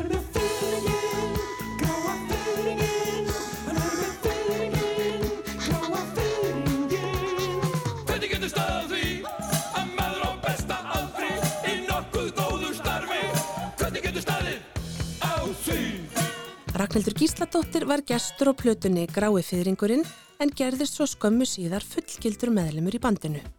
Í læginu Það jafnast ekkert á við jazz syngur hún duett með verðandi eigimanni sínum Jakobi Frímanni Magnússon. Þeir segja heima sé best.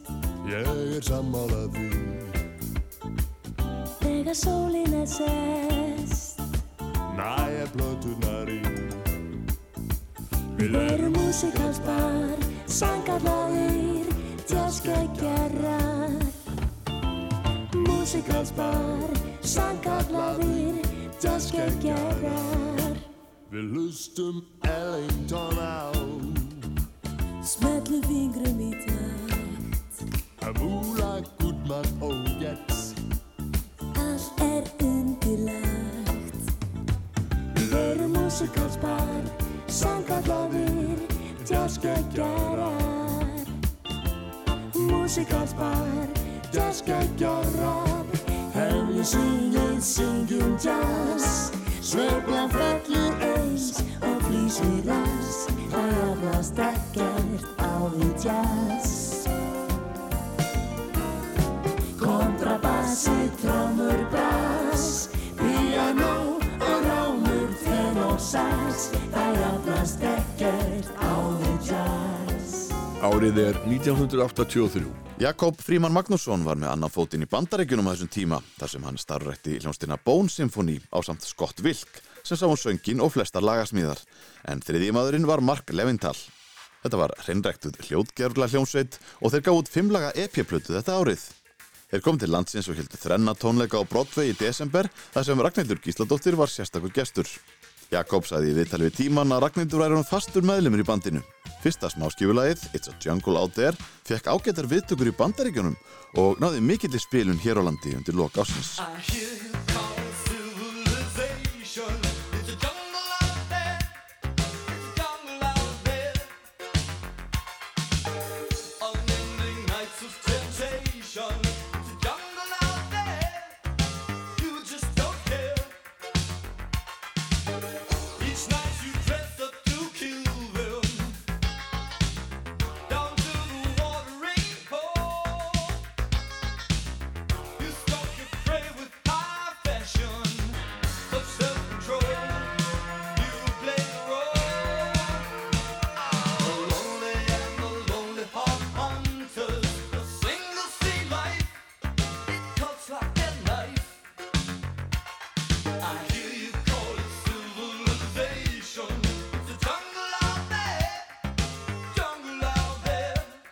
Tónlistablaði Sounds fór lofsamlegum orðum um Bone Symphony 10. desember. Það hefur tekið langan tíma en loks sjást merki um nýja bylgju amerískar tölvudanstónlistar sem hefur tekið upp það besta úr breskum hugmyndum og saman að þær meiri teknilegri hæfni sem oft einkennir ameríska tónlistamenn og búið til hreyfingu sem mun ógna veldi breskra tónlistamanna á þessu sviði. Bone Symphony geti auðveldlega náð lengst þessar hljómsveita. Laugin 5 á plötusveitarinnar eru frábælega vel spiluð, útsett og upptekinn og ná mun fleiri blæbriðum í tónlist en flestar aðrar tölvupákljónstir eru færar um. Árið er 1983. Stoppfundur um byggingu tónlistarhús á Íslandi var haldin í oktober sama ár. Stoppfélagar voru um 2000 talsins og þar af mættu 700 á stoppfundin sem var haldin í Súlnasal Hótel Sögu. Undirbúningsnefnd kannaði margar lóðir þar sem tónlistarhús gæti risið. Helstu staðir sem voru nefndir voru Arnarhóll, Borgartún, Miklatún, Laugardalur og Öskjulíð. Það liður samsagt tæp 30 ár frá þessum stoppfundu um byggingu tónlistarhús hér á landi þar til tónlistar og ráðstöfnuhúsið Harpa reys við Reykjavíkurhöfn. Hún hefur tökl og haldir fyrir allar aldir Það skiptir um á kvöldin Þá tekur Steinþór völdin Hann er sottan gúrmen á hungin Hann er sottan gúrmen á hungin Tekur sjálfur slátur strákurinn. Valger Guðjónsson átti síðar eftir að beita sér fyrir byggingu tónlistarhús. Hann og félagi hans úr spilverki þjóðana, Sigurður Bjóla, hljóðrituðu plötu saman árið 1983 undir nafninu Jolli og Kóla. Þeir lögðu dröga plötunni á Stokkseyri tveimur árum áður og fengu meðal annars leikstjóra stuðmannamyndarinnar með allt á hreinu, Ágúst Guðmundsson, til að taka lægið og meðal annara sem aðstóðu Valgir og Bjólu við gerð plötunar voru Egil Ólafsson og Eggert Þorleifsson. Nú Valgir Guðjónsson kynir til sögunar lagið Bíldudals grænar bönir. Þetta lag samti höfundur í Noregi á námsárum sínum. Það er innblásið af ferð Spilvers þjóðana árið 1977 til Siglufjörðar þar sem hljómsveitin varð innliksa í tæpa viku á samt Baldri Brjánsinni töframanni og tíu dúfum í pappakassa. Lægið var síðan flutt vestur á fyrði þar sem ég Valgir Guðjónsson á uppbruna í föðulegg og þetta lag hefur hljómað síðan í þessari óbreyttu mynd Bíldudalsgrænar bönir. Háður fólk eins og ég og fleiri. Þér finnst þú líkastur bættri flík. Og situr langeigur út á landi Og langar suður í Reykjavík. Sjáðu fokkerinn fljúa yfir. Frænka önundar kannskum ból Þú bölvar dugleg í hljóð og heldur Heim og mælir ekki orð. Þú kaupir bíldudals grænar bönir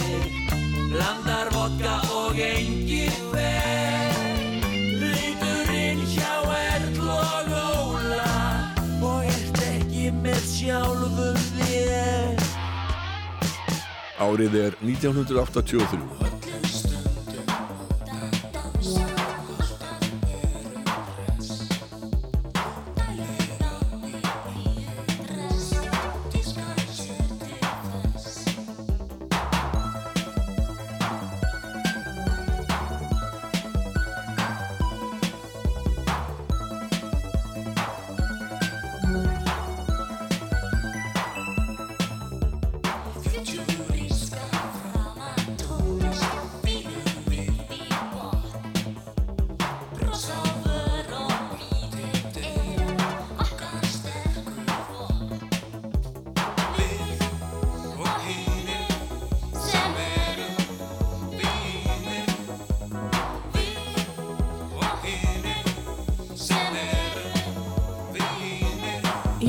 Jón Gustafsson og Bryndis Jónsdóttir syngja hér lægið Við af fyrstu plötu Jóns, Frjáls, sem kom líka út sömari 1983.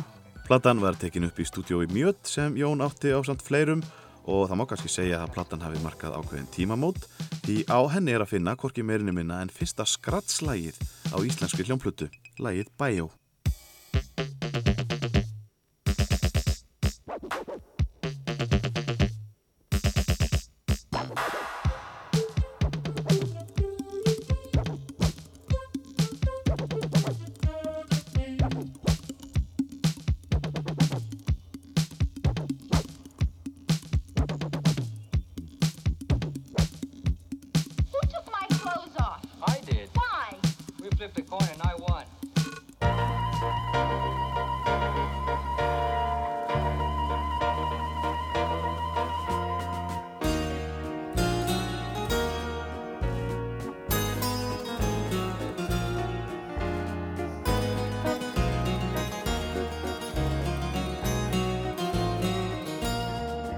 Sjónvarpið hóf dönskukenslu í byrjun ás 1983 í tíu þáttaröð sem nefndist Hildur. Þessir þættir voru hluti af stærra námskeiði í dönsku sem stopnað var til af utanrikisráðunetum í Danmörku og á Íslandi. Lilja Þórisdóttir lék Hildi og Magnús Eiríksson samti tónlistina og aðalstefur þáttunum, vals nr. 1, heyrist hér undir. Árið er 1983.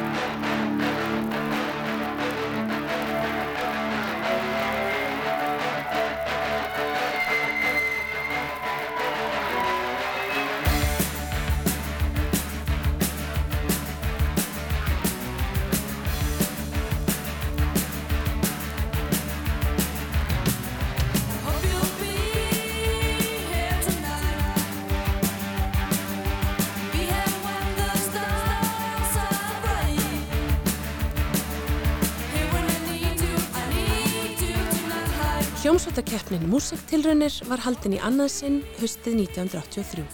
Úrslitakvöldið var á Kjarvalstöðum að viðstöttum 900 áhörvendum en undan kvöldin voru haldin í Tónabæ. Alls tóku 24 hljómsveitir þátt í keppninni og stúlnabandið Dúkkulísur frá Egilstöðum var örugur sigurvegari. Dúkkulísur lendi í fyrsta sæti hjá bæði domnemnd og áhörvendum. Hljómsveitirnar Band Nútímans og Þarmagustarnir báðar frá Kópavogi, voru jafnar í öðru til þriðasæti. Freyr Eyjálsson spurði dúkkulísur hvernig upplifun það hefði verið fyrir þessar ungu austfirsku mentaskólastúlkur að bera sigur úr bítum í músiktilrönum í þættinum geimt en ekki gleimt á Rást 2. Þetta gerðist svo ofsalega hratt. Ég held að að bara, ég held að við engin okkar neitt átta sig eiginlega á því hvað var að gerast. Ég meina, ég held að við höfum ekkert upplifað okkur sem einhverja popstjörnur eða eitthvað svo leiðis. Nei. Við vorum miklu meira bara jamma og hafa gaman að þessu. Stór vinur og aðal kvatamaður dúkkulísanna, Karl Erlingsson, skráði þær til leiks í músiktilrönnir án þeirra veitundar og hann sandi líka með þeim lögin sem þar fluttu á úslitakvöldinu. Eitt af þeim var Silent Love sem var upphafslag fyrstu plötu hljómsveitarinnar sem kom út ári síðar. Eina lagið sem dúkkulísur hafa gefið út sem er sungið á öðru tungumáli en íslensku. Jú, þetta er lag sem að hérna er fyrsta lagi sem við hefum svona að ykkur markið saman og uh, textin var á ennsku mörgur sinnum reynd að gera íslenska texta við þetta lag Já, já. bæði við sjálfar og við fengum þess að Beppa Mortens til að skrifa fyrir okkur hann var náttúrulega mjög svo kveitandi á þessum tíma Já. já, hvað er gagvart okkur og sýndi okkur mikinn stund Já, gerði þennan texta, sem segir, Já. fyrir okkur á íslensku, en hann bara virkaði ekki einhvern veginn við lagið. Nei, við vorum að ekki sátt að við það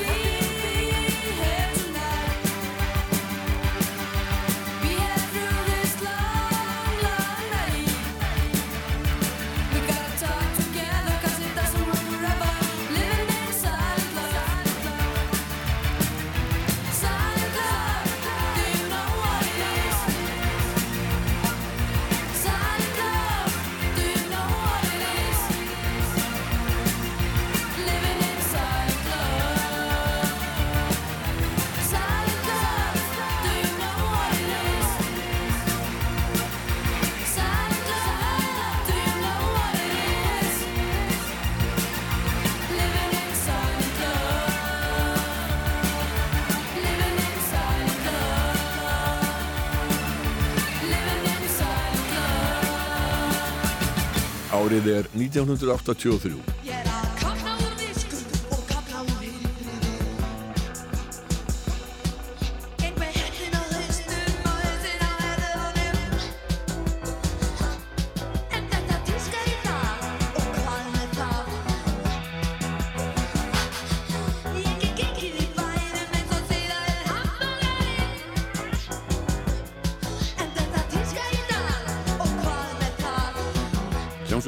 Hljómsveitin Q4U var áberandi í heimildamindinni Rock í Reykjavík sem var frumsýnd 1982.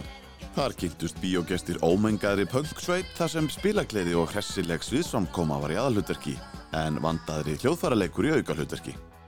Árið síðar sendi sveitin frá sig sína fyrstu og einu plötu, Q1, og það er óætt að segja að Q4U hafi gengið í gegnum mikla breytingar á þessu eina ári. Tónlistin var orðin fáari og hljóðfæraleikurinn til mikillar fyrirmyndar. Hjónakornin Elli Söngkona og Gunnþór Bassalegari höfðu fengið til liðsvissi gítaleikaran og fyrir utagansmannin Danna Pollock og hljómbórtleikaran Átna Daniel Júliusson úr taugadeildinni og strákarnir skiptist á að spila á trommuheila sem þau kölluðu Elisabetu aðra. Eftir að komi trommuleikari sveitarinnar heldist úr lestinni þegar hann slasaðist alvarlega á skýðum. Með tilkomu Átna Daniels hljómbórtleikara hafði tónlistin þróast úr pönki í það sem sumir popskrýbendar kölluðu kuldarokk. Áhrifavaldarnir voru meðal hans Joy Division, Cure og Susie and the Banshees og liðsmenn sveitarinnar sögust að fatta það nokkrum mánu síðar að tónlistin sem bandi spilaði var auðvitað ekkert annað en goth rock en þeir listu tónlistin á plötunni svona í þættinum Gemt en ekki glemt á Rástfö. Já, hún alltaf er svona í þessum síðpunk stíl þetta er svona synþaða pælingar og trommuheilin þarna og þetta er mjög svona Þetta er komið langt frá því þegar að nokkur klikkaði krakkar stungur saman nefjum og byrjaði að spila og kunni ekki neitt.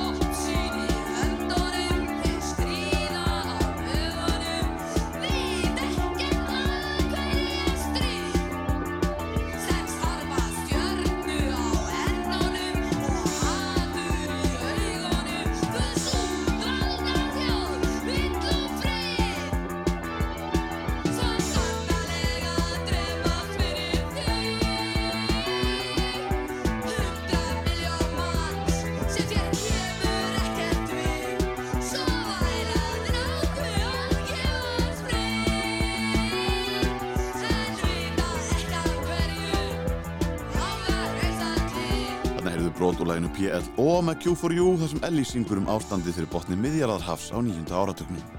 Platan Q1 var sex laga og Jens Guð gaf henni fjóra stjórnur af fimm mögulegum í plötudómi í unglingablaðinu Æskunni þar sem hann sagði meðal annars Q4U er ekki lík neittni annari hljómsveit. Diskopönkið er þeirra eigið. Sigurður Sverrisson skrifaði um plötuna í morgumblaðið undir fyrirsögninni hoppað úr pönkinu. Hann var nokkuð sáttu við gripinn og vildi meina að stökkið úr pönkinu yfir í nýrómansinn hafi tekist bærilega. Einhverjum þótti bandi verið að svíkja pönkið með því að nota trommuheila og Sigurður kvartaði yfir því í sama dómi að sándið á trommuheilanum væri helst til kallt og stundum frosið.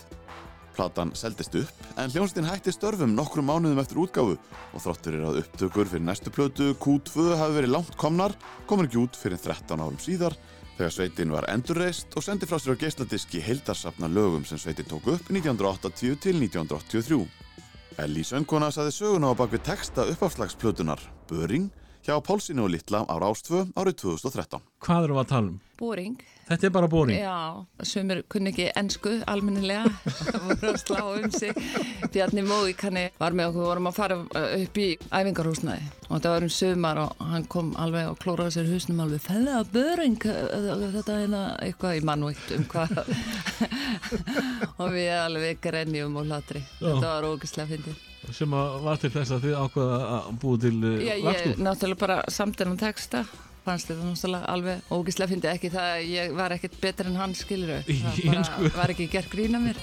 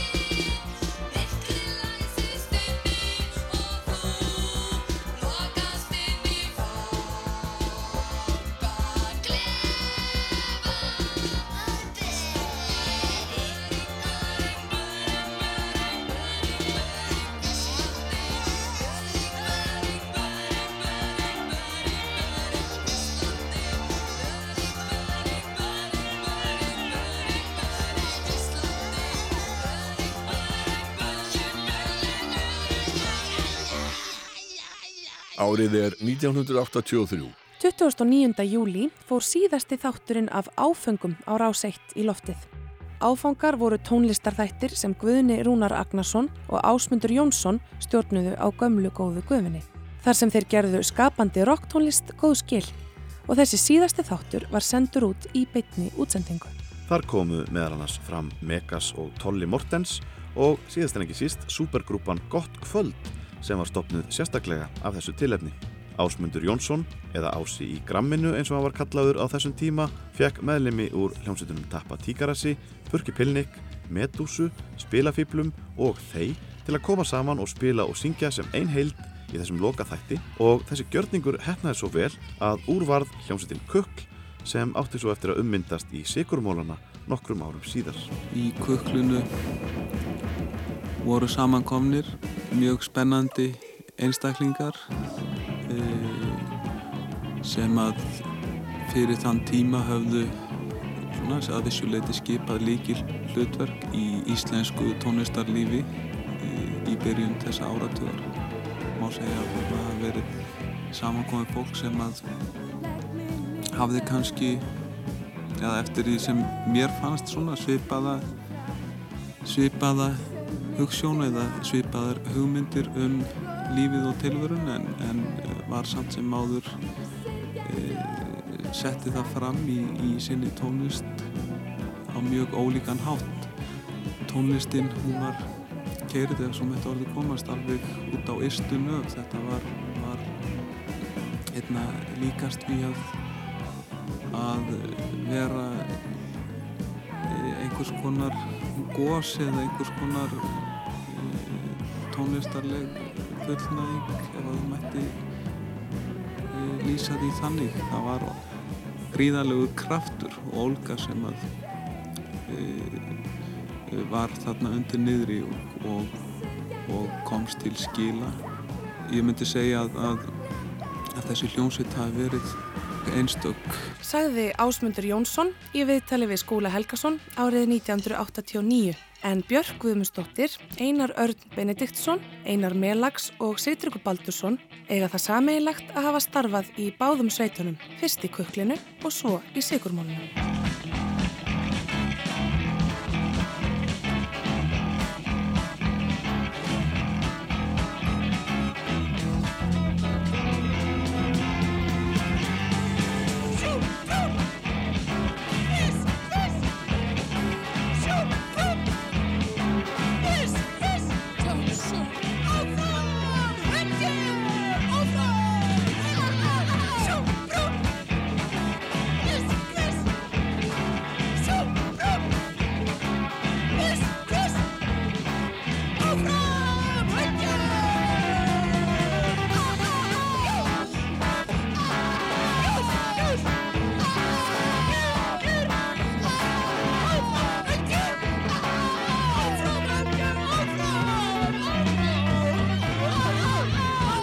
Þarna heyrðu brot úr útastættinum áfengum á rás 1. Þessi síðasti þáttur var sendur út í beinni útsendingu eftir miðnætti aðfara nátt 30. júli 1983 en áfangar höfðu verið á dagskrá frá árinu 1974 í umsjá Ásmundar Jónssonar og Guðnar Rúnars Agnarssonar. Eins og áður sagði var þessi hljómsveit sem hann spilaði sérstaklega sett saman fyrir loka þáttin og átti aðeins að koma fram í þetta eina skipti. En hópurinn náði greinlega vel saman og úrvarð hljómsveitin Kukl.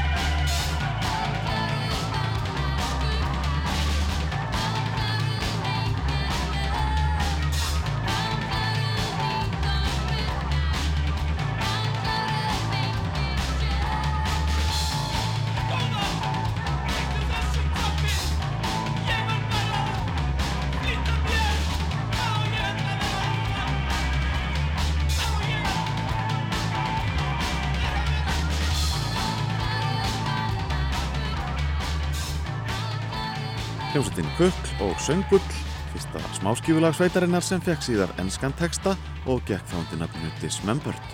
Gítarleikari sveitarinnar, Guðlaugur Kristinn Óttarsson, rifið upp söguna á bakvið lægið í útastættinum virkum mótnum ára áf 2. Já, við tókum þetta upp þarna nánast upp í sveit í stúdíu held ég glóru þarna og nú lappa í mánum en það sem reyðast upp með er að, að þetta lag var sami svona inspírað út frá Bleika Partusnum, þannig að Pink Panther. Er erfitt að kannski að heyra það. Já, hvernig, hvernig er tengingin? það er gítalínan, hún er inspírað af, af því og á þess að fara kannski nánar út í það en kannski helst það sem að var gaman við kuklið var að þetta voru tónskáld döðans við vorum að reyna að mjaka aðeins tónlistathróunin áfram því að mannkinn er búið að þróast mjög mikið og all tæknu, þau eru konið með síma og sjónvarp allan fjandan en tónlistin er ennþá einhvern veginn stökk svona bara aftur í Mozart, hún er stökk bara í 1700 Í september árið 1983 fylgtu milli fjögur og 5.000 manns rocktónleikana við krefjumst framtíðar í laugadalsöllinni sem voru liður í svo kallari friðarviku. Framkomu hljómsveitin Kukl í fyrsta skipti ofinbyrlega undir því nafni, Ego, Vonbriði, Íkarus á samt Megasi og breska anarkista punksveitin Krass.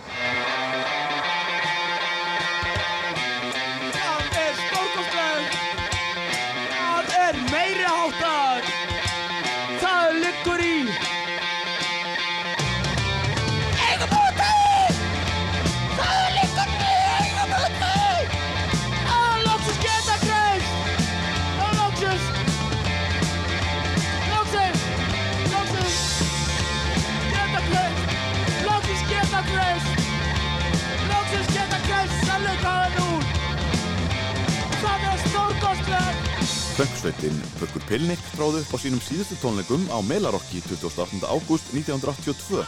Árið síðar sendi sveitin frá sér tónleikaplötuna Maskinuna sem spannar eins og háls ás ferill sveitarinnar. Í plötudómi Gunnlaug Sigfússonar í Helgapóstinum skrifaði hann að undir lok ferilsins hafði bandið verið orðið fjandarnu þjættara og upptökurnar frá Englandsfjörnsveitarinnar og Melarokkinu með því betra sem hann hafði heyrt á plötu frá purkinum. Átni Daniel Júliusson tók í sama streng í plötudómi vikunni. Mér finnst þetta besta plata sem purkurinn hefur gert. Hún er full af lífi og krafti, þeim krafti sem stafaði frá hljómsveitinni á tónleikum. Fimm síðustu lögplötunar voru frumflutt og hljóðrituð á lokatónleikunum á Melarokki og heita öll sama nafninu Orð fyrir dauða, en aðgreint með bókstöðunum A, B, C, D og E. Það verður frábært að setja dauða deildinni Þessum hver mínúta getur verið þín síðasta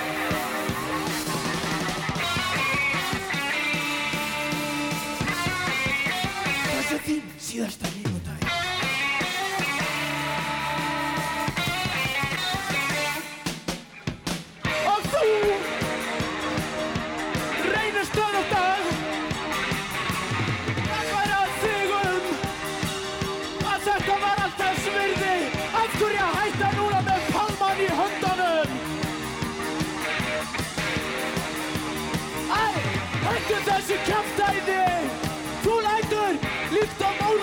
sjúklingur Árið er 1983. Eina fjölmörgum rocksveitum sem lögðu upp laupa árið 1983 var hljómsveitin Þeir sem spilaði á nokkrum tónleikum sem kvartett á fyrir hluta ársins en hætti svo störfum. Síðasta platan sem bandi sendi frá sér heitir Lunair. Hún er þryggja laga og kom út vorið 1983 en upptökurnar voru gerðar árið áður. Liðsmenn þeysara heldur flestir áfram tónlistariðkun með öðrum sveitum eftir að bandið hætti og má þar nefna meðal annars kukl, frakkana og hljómsveitina með nögtum.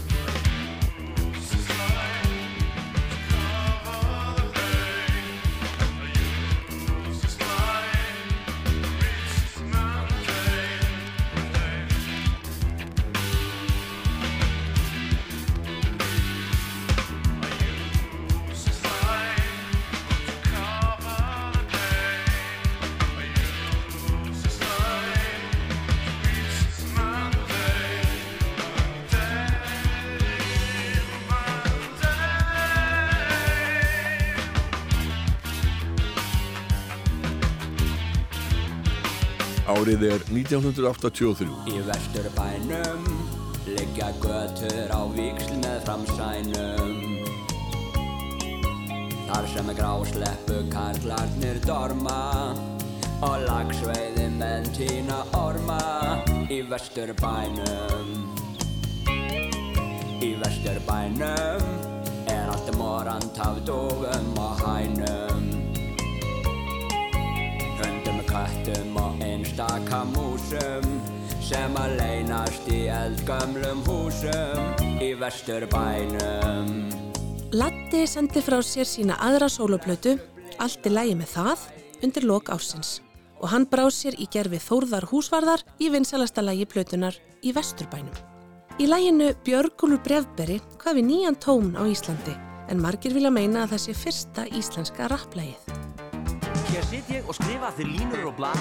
Set þær í postinn þegar ábyrgjast það Að bref þetta berist til bróði kær Þó berjast ég verði við óþeskju tvær. Hún grafan kjúta björn, snjómann og allt Á heiðin er bílur og anskoti kall. Og hver fæst nú í slíka háska för? Hann bauð sig fram sjálfur með bros á vör. Hann bjölgur úr hitt og var bjarnabanni Bref beri góður en hálgerðu kjáni. Björgúlfur,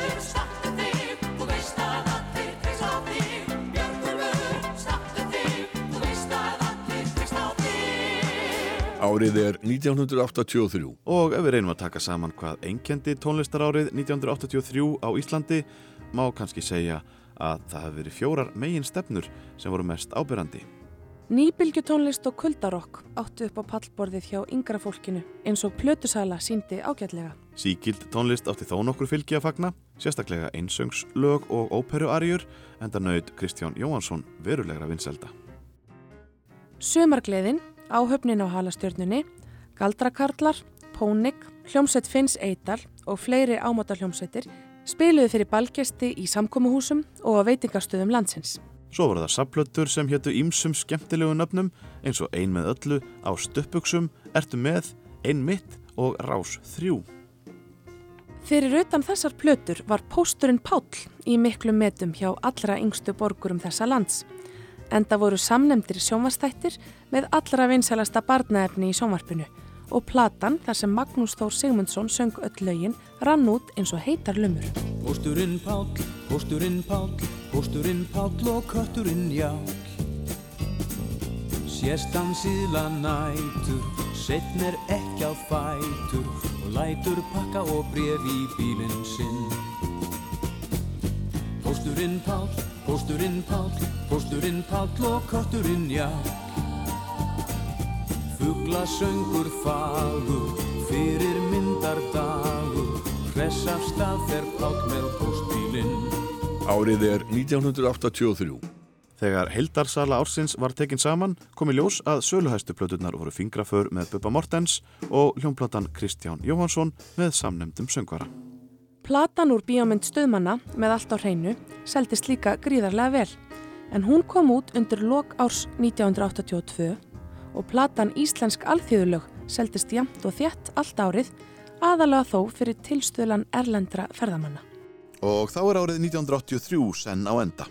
Ég heiti Sigriður Torlasíus, umsónumenn þáttarins eru Ásker Eithórsson og Gunnlaugur Jónsson og Jónatan Garðarsson aðstóðaði við handritskerð. Í næsta þætti skoðum við Íslenska tónlistar árið 1984 en við endum á hljónstinni CTV en Baldur Guðmundsson, sonur Rúnars Júliussonar og söngvarinn Sigurður Sæfarsson voru í hljónstinni Box sem gáði plötuna Skuggahliðina árið 1982. Árið 1983 voru þeir hins vegar búin að breyta nafninu í CTV og hvað við ný romantískan tón. En fjölskyldu fyrirtæki Baldus, Gemstein, gaf út fimmlega plötu sem fekk nafnið Casablanca og hér er titillægið farið að hljóma. Takk fyrir að hlusta. A glass of gin.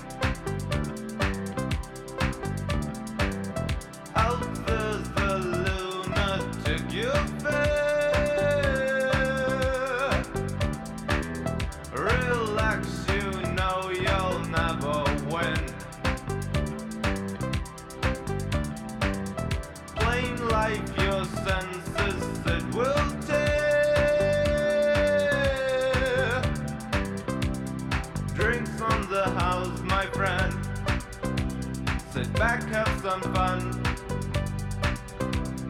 This night will never end. Your life's on the run. Casablanca, Casablanca. Casablanca, where the night will never die. Casablanca, Casablanca. Casablanca, where your life will drift on by. show distance.